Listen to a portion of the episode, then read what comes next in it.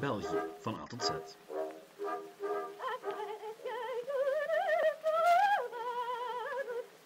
Welkom bij Geschiedenis van België. En welkom bij letter U.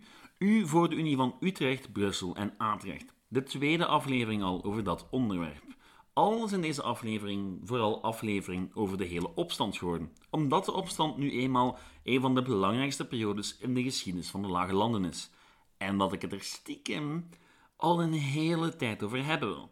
Vandaag hebben we het over het begin van de militaire vijandelijkheden, overwinning en nederlagen van een zekere Willem van Oranje, watergeuzen, bosgeuzen, invasies en een strafexpeditie.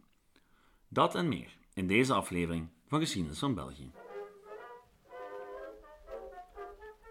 Oké, een kort stukje administratie. Wie in de Facebookgroep zit, weet het al. Ik heb nood aan uw input. Dat zit zo. Letters X en Y komen eraan en zoals u weet is het relatief onmogelijk om daar een goed onderwerp voor te vinden. Tenzij ik ijzer met een Y begin te spellen, maar weet je, waarom laat ik gewoon het volk niet zijn zegje doen, net zoals we vorige keer gedaan hebben met letter Q? Van zegje gesproken, ik ben volop aan het peinzen over de toekomst van deze podcast en ik zou u, mijn trouwe luisteraar, daar graag bij betrekken. Bijgevolg vindt u in de beschrijving van deze aflevering en op de Facebookgroep een link naar een Google Form, waarin u op zes simpele vraagjes een antwoord geven kunt. Vraagjes zoals: Blijft deze podcast thematisch of wordt hij chronologisch? Vindt u dit leuk, al deze afwisseling van thema naar thema, of verlangt u stiekem naar een iets langer verhaal, zoals dit misschien? Blijft de geschiedenis van België of wordt het tijd voor iets anders? Geschiedenis van de lage landen? Geschiedenis van Europa? U mag het mij zeggen, ik probeer het misschien. Goed, tot daar de mededelingen. Op naar de geschiedenis en op naar de unies. Al gaan we daar vandaag niet geraken. Maar we zetten wel een serieuze stap in die richting. Nu, voordat we verder gaan met de avonturen van Willem van Oranje, wil ik het even hebben over hoe we vandaag naar de opstand kijken. En met we bedoel ik zowel Nederlanders als Belgen. Ik heb het genoegen gekend om met heel wat Noorderburen, waaronder historici en geschiedenisleerkrachten, over hun nationale geschiedenis te keuvelen. En daaruit kwam vaak een heel specifiek idee over de opstand naar voren. Namelijk dat het een noordelijke opstand zou zijn geweest, waarbij het zuiden uiteindelijk de kant van Spanje koos. En ja, dat klopt niet. Integendeel, je zou zelfs kunnen zeggen dat de opstand begon in het zuiden en pas later een zaak werd in de noordelijke staten. Maar goed, eigenlijk is dat idee van Noord en Zuid op zich al ahistorisch. Achteraf is het makkelijk om de opstand zo in te delen, maar op het moment zelf liep alles simpelweg door elkaar. Noord en Zuid zijn concepten die pas achteraf voet aan de grond gekregen hebben, na de opstand, toen het onafhankelijke Noorden voor zichzelf een nieuwe identiteit moest creëren, net als dat Spaanse Zuiden. En zoals dat wel vaker gaat bij net gesplitste landen, creëerde men die ideeën en die identiteiten in oppositie tot elkaar. En voor het noorden en het zuiden van de 17e eeuw klopt, klopt dat beeld van een protestants rebels noorden en een katholiek gewillig gehoorzaam zuiden. Inderdaad wel, maar niet voor de periode die eraan vooraf ging.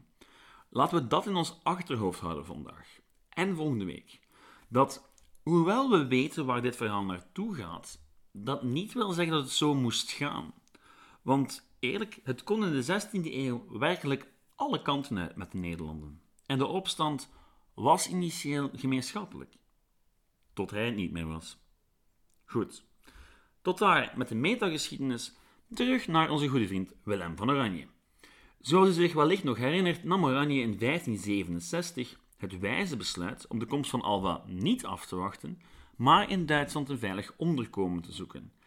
Egmond en Hoorn Twee andere prominente edelen in de Lage Landen deden dat niet en werden door Alva en zijn bloedraad beschuldigd van verraad en op 5 juni 1560 onthoofd op de Grote Markt van Brussel. Nu, ik ga zo meteen verder over Oranje en zijn keuze, maar ik wil het daar nog even over hebben, over Egmond en Hoorn. Het lijkt een heel radicale beslissing voor Alva om twee prominente edelen die zich eigenlijk nog altijd aan de kant van het regime wouden scharen en wouden onderhandelen met Alfa en wouden samenwerken, om die zomaar, ja, te elimineren. Om die zomaar voor het gerecht te dagen en vervolgens te onthouden op zowat de meest publieke plek van de Lage Landen. Wat een luisteraar van mij tot de vraag bracht: ja, waarom eigenlijk? Wel, het blijft tot de dag van vandaag moeilijk te begrijpen. Maar als je vanuit Alva probeert te denken, dan wordt het ietsje duidelijker. Alva had geen ervaring met de politiek van de lage landen. Een politiek die, ja, al van voor de Gulden Sporenslag, een politiek was van constant verzet. Soms openlijk, soms niet, tegen de landsheer. Het, de constante pogingen van de lokale adel en van de steden om ja, net dat beetje meer rechten te hebben. Wat niet per se wou dat ze de graaf of de vorst wegwouden, ze wouden gewoon meer ruimte voor de eigen ellebogen. Dat was heel normaal. En daarbovenop was voor Alva de steun of de tolerantie die Egmond en Hoorn hadden voor de protestanten, was voor hem simpelweg ook al ketterij. Dus zagen die in de lage landen als normaal werden beschouwd, waren voor Alva genoeg om, ze, om Egmond en Hoorn te beschuldigen van hoogverraad. Wat hij dan ook deed. Had Alva beter gereageerd op de lage landen, had hij de regio beter gekend, had hij de mensen beter gekend, dan had hij waarschijnlijk nooit die keuzes gemaakt. Het is ook een reden waarom Alva niet in staat zal zijn de opstand te stoppen. Maar Farnese, en daar komen we misschien volgende week toe, dat wel zal kunnen doen, want Farnese kende de lage landen.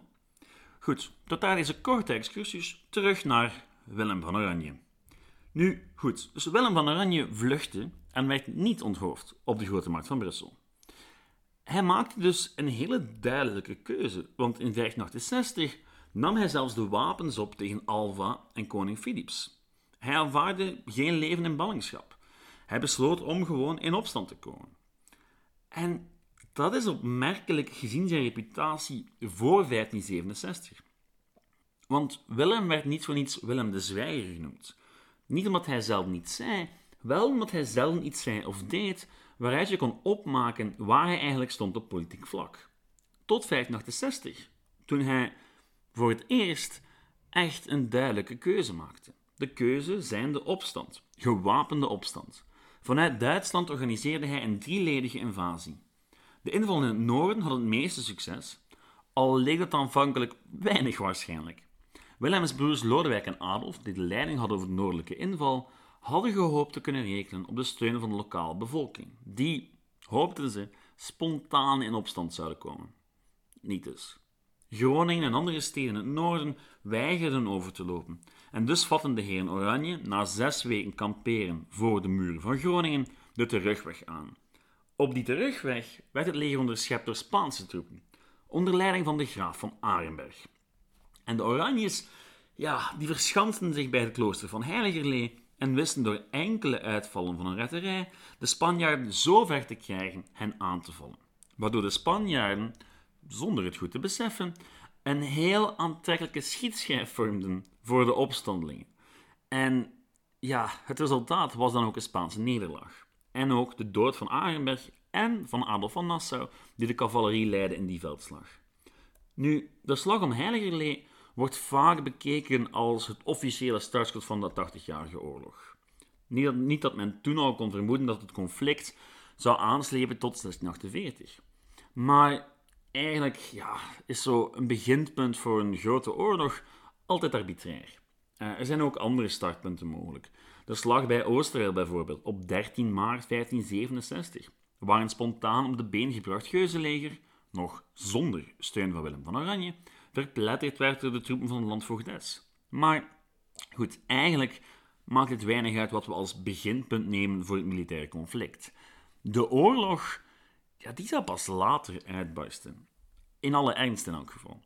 Want er was eerlijk gezegd bitter weinig gebeurd op 23 mei 1560 bij Heiligerlee. Ja, de opstandelingen hadden een overwinning behaald, maar uiteindelijk was het slechts een slag met ongeveer 4000 man aan de ene en 3400 man aan de andere kant niet te verwaarlozen, maar dat is geen epische slag tussen twee gigantische legers. Daarbovenop was er in 1568 absoluut nog geen sprake van een volksopstand of een revolutie. Het leger van Lodewijk en Adolf van Nassau bestond in de eerste plaats uit huurlingen. En dat leger zou niet lang na de slag bij Heiligerlee verpletterd worden in de slag bij Jemmingen. En valt zich met een hoop meer volk aan beide kanten, die overtuigend werd gewonnen door Alva. En dus was er in 1568 niets dat aangaf dat het conflict nog zo lang aanslepen zou. Nu, volgens historici althans, die oorlog echt begonnen is, moeten we het misschien even hebben over de termen die meestal gebruikt worden voor beide partijen. En hoe misleidend die eigenlijk wel zijn. Aan de ene kant hebben we de Spanjaarden, aan de andere kant de Staatsen. Laten we beginnen met de Spanjaarden. Het Spaanse leger bestond uit Spanjaarden, zuidelijke Nederlanders, Bourgondiërs, Italianen, Engelsen en Duitsers. Niet abnormaal, daar in de vroegmoderne tijd de meeste legers minstens voor een deel samengesteld waren uit huurlingen. Voor de staatse gold min of meer hetzelfde. Ze maakten vooral gebruik van noordelijke Nederlanders, Duitsers, Engelsen, Schotten en Fransen. Nu, die staatsen, daar moet ik nog iets over zeggen. Ze werden staatsen genoemd omdat zij de staten der Nederlanden vertegenwoordigen. De staten, dat waren de vergaderingen waarin de verschillende provincies, de verschillende deelstaatjes, dan heb ik het over bijvoorbeeld Vlaanderen, Holland, Gelre, Friesland, Brabant, Henegouwen. Wel, die kleinere staatjes, die werden vertegenwoordigd door hun staten. En dat was eigenlijk een amalgaam van vertegenwoordigers die samen beslisten waar het staatje politiek stond. Dus die staten, die hadden zogezegd hun eigen legers, al we hadden op dit punt nog maar weinig, eh, nog maar weinig staten die zich achter de opstandelingen geschaard hadden. Geen eigenlijk. Maar dat komt. Nu, nog eventjes over dat onderscheid tussen noordelijke en zuidelijke Nederlanders. Dat onderscheid bestond eigenlijk amper in 1568. In 1568 waren er vooral Nederlanders of lage landers. En slechts in de loop van de oorlog, door het toenemen van de religieuze en politieke kloof, ga je echt ja, een verschil zien tussen beiden. En dat zal uiteindelijk leiden tot de Unie van Utrecht en de Unie van Atrecht. Oké, de opstand is dus een feit in 1568, al is er eigenlijk nog maar weinig aan de hand. Willem van Oranje viel uiteindelijk toch maar Brabant binnen in de hoop al wat te verrassen, maar die was zo slim om rustig af te wachten tot Oranje geen geld meer had om zijn huurlingen te betalen en bijgevolg terugtrekken moest. Dus stond de opstand in 1568 nergens. Helemaal nergens. Op het eerste zicht. Want er was wel iets aan de hand. En dat brengt ons tot de watergeuzen. De geuzen, die vorige aflevering geïntroduceerd werden, werden initieel afgeschilderd als ontevreden edellieden. En dat waren ze ook initieel. Maar ergens in de loop van de jaren 60 van de 16e eeuw begonnen een heleboel andere mensen in de lage landen zich ook als geuzen te identificeren. En niet per definitie edelen. Herinnert u zich nog de Raad der Beroerten, die op order van Alva iedereen vervolgen moest die ook maar in de verste verte iets te maken had met de Bederstorm? En dus ook iedereen die zich ook maar verdraagzaam opgesteld hadden tegen Calvinisten en andere protestanten? Wel, de meeste lieden die vervolgd werden door de Raad, wisten een arrestatie te vermijden door de benen te nemen. Maar die werden dan wel bij verstek veroordeeld. En zo dus ook al hun bezittingen verbeurd verklaard. En het verliezen van lijf en goed en van een duidelijke, zekere toekomst en vaak ook van contact met je familie, met je vrienden, ja, dat soort zaken leiden wel eens tot radicalisering. Zo ook hier, zowel op politiek vlak als religieus vlak. En bij gevolg namen een heleboel van die bandeling, inclusief de lage adel, de wapens op tegen het Spaanse bewind. En hoewel ze geen formele banden hadden met het Eedverbond der Eden of Willem van Oranje, maten ze zichzelf toch de naam geuzen aan. En er zijn zelfs twee soorten geuzen: watergeuzen en bosgeuzen. Het grootste verschil tussen beide zijn de hun werkterrein. De watergeuzen waren vaak zeelieden uit Holland of Zeeland, aangevuld met Zuid-Nederlandse adelen en koopmannen die hun schepen en bemanningen gebruikten om verzet te plegen. Nu, dat verzet nam initieel vooral de vorm van overvallen en plunderingen aan, uh, wat impliceert dat de grens tussen roof- en krijgsverrichtingen redelijk dun was in die periode. Maar dankzij kapersbrieven van Willem van Oranje konden de watergeuzen zich wel legitimeren als soldaten in de opstand. Ook al valt het aanvallen van kuststorpen en het doden van pastoors niet onder een reguliere oorlog. Naast de watergeuzen had je ook nog de bosgeuzen. Dat waren geuzen die in het binnenland actief waren en onder het mom van verzet tegen de Spanjaarden hun acties toch vooral tegen de burgerbevolking richtten. Zowel de bos- als de watergeuzen bestonden immers slechts voor een deel uit gevluchte Calvinisten. Het waren vaak ook ontevredenen, vaak ook gewoon lokale dievenbendes die zich aansloten. Dus ja, het was een ja, gemengde pot, om het zo maar te zeggen. Desondanks waren tussen 1568 en 1572 in de eerste plaats de geuzen die actief verzet voerden. Verzet waar Willem van Oranje zijn voordeel mee wou doen. En hij had ook een tweede invasie in gedachten, de invasie van 1572.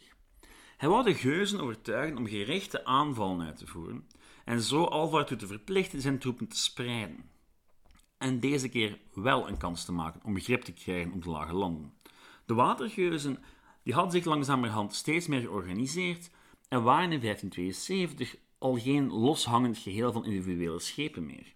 Verbannen edelen zoals Adriaan van Bergen waren erin geslaagd grip te krijgen op de watergeuzen en ze om te vormen tot een onvoorspelbare tegenstander. Wat me brengt tot Willem II van der Mark Lumey en zijn verovering, Den Briel.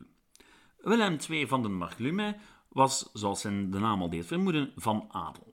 Ondertussen geclaimd als Noord-Nederlandse held, was hij geboren in Luik en had hij voorouders gespreid over de hele lage landen. En ook nog eens Duitsland. Nu, die Lumey wist in 1572 25 schepen te verzamelen en belandde bijna toevallig in de buurt van Den Briel. Den Briel of Brielen was een oude middeleeuwse vestingstad aan de monding van de Maas en een belangrijk katholiek bedevaartsoord. En totaal onverdedigd. Lumey, praktisch als hij was, kreeg het gegeven paard niet in de mond en nam de stad in op 1 april 1572. En veranderde daarmee de richting van de oorlog. Want goed, tot dan toe waren de speldenprikjes van de geuzen weinig meer dan dat geweest. Speldenprikjes. Irritant, ja, maar geen bijster groot probleem voor Alva. Maar met de inname van de Briel hadden de geuzen plots een steunpunt in Zuid-Holland en een verzamelplaats. Steeds meer geuzen stroomden naar de Briel en met die troepen werden ook Vlissingen, Veer en Zierikzee ingenomen. En plots viel Hollandse stad na Hollandse stad in de handen van de geuzen. En had men plots controle over de mondingen van Maas, Rijn en Schelde. Oftewel, de belangrijkste waterwegen in de lage landen. En vaak gebeurde die machtsovername op zijn minst met gedeeltelijke instemming van de lokale bevolking. Want Philips II en de katholieke kerk waren niet bijster populair. Niet dat de geuzen veel beter waren initieel. Want hoewel je zou kunnen denken dat religieuze verschoppelingen de verdraagzaamheid zouden prediken, wel, vaak was het katholicisme hetzelfde lot beschoren als het Calvinisme in katholieke steden eens de geuzen overnamen. Het Calvinisme werd ingericht als publieke kerk en het katholicisme ging de schop op. Nu, eventjes terug naar Alva. Waarom marcheerde Alva niet gewoon richting Holland? Waarom zette hij geen stop aan de hele opstand? En waarom had hij die hele inval niet kunnen voorkomen? Waarom had de Bril geen garnizoen? Wel, die verklaring die ligt in Frankrijk. Zoals wel vaker, als er een conflict is in de lage landen, dan moet je ook wel eens over de landsgrenzen kijken om de verklaringen te gaan vinden. En een deel van de verklaring ligt hier in Frankrijk. In Frankrijk was het Calvinisme heel populair geworden in de loop van de 16e eeuw. De Franse Calvinisten werden hugenoten genoemd. Nu, die hugenoten die hadden een zekere politieke en militaire macht weten te verzamelen en schrokken er ook niet voor terug om hun Nederlandse broeders te steunen. Dus was Alva heel erg bevreesd voor zo'n Franse inval. En moest hij tijdens deze, deze periode zelfs een Frans hugenotenleger terug de grens overschoppen. Dus daarom had hij zijn troepen gepositioneerd aan die zuidelijke grens. En daarom waren er geen troepen in Den Briel. Lodewijk van Nassau en Willem van Nassau, die zouden dat ook uitbuiten. Eens Den Briel gevallen, gevallen was, beseften ze dat dit hun kans was en vielen ze onmiddellijk opnieuw uit drie verschillende richtingen de lage landen binnen. En deze keer waren die invallen echt een succes. Want de geuzen en de oranjes die hadden een hele tijd vrij spel. En dat was een situatie die ze zoveel mogelijk uitbuiden. Lodewijk van Nassau viel Henegouwen binnen en nam de hoofdstad Bergen in. Lumens slaagde de meeste steden in Utrecht, Friesland, Overijssel en Gelderland aan zijn kant te krijgen. En Willem van Oranje veroverde onder meer Mechelen, Dendermonde en Oudenaarde. En toen... Wel, toen keerde het tij. Wat me brengt tot de historische benaming voor deze periode. De bezettingen van 1572. Wat insinueert dat ze niet veel langer duurden dan dat. En dat heeft te maken met het feit dat hoewel Alva het initieel moeilijk had om alle bedreigingen het hoofd te bieden, in augustus de grootste dreiging wegviel. Plots moest Alva zich geen zorgen meer maken over de hugenoten. Want op de nacht van 23 op 24 augustus 1572 vond in Parijs de Bartholomeusnacht plaats, waar katholieken op massale schaal afrekenden met de hugenoten. Het gevolg was een golf van geweld die zich door heel Frankrijk verspreidde. En dus ook dat de staatsen geen hulp meer moesten verwachten van Franse Calvinisten. En dat Alva geen leger meer aan de grens met Frankrijk houden moest. Het was de zoon van Alva, Don Frederik, die een strafexpeditie zou leiden in een poging alle verloren steden terug te nemen. En die slaagde, grotendeels. Maar dat is voor volgende week. U hebt het waarschijnlijk al door, ook volgende week ga ik dit hoofdstukje waarschijnlijk niet afwerken. Maar eens ik dat gedaan heb, zetten we de stap richting letter V. Een letter die, voor de verandering, chronologisch volgen zal op de laatste aflevering over de letter U. Een klein voorsmaakje dus van wat deze podcast zou zijn, mocht hij meer chronologisch lopen.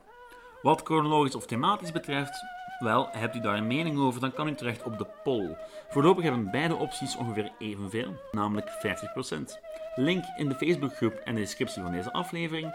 Die Facebookgroep is Geschiedenis van België. Het e-mailadres geschiedenisvan.outlook.be. En uh, ja, er is een Twitter.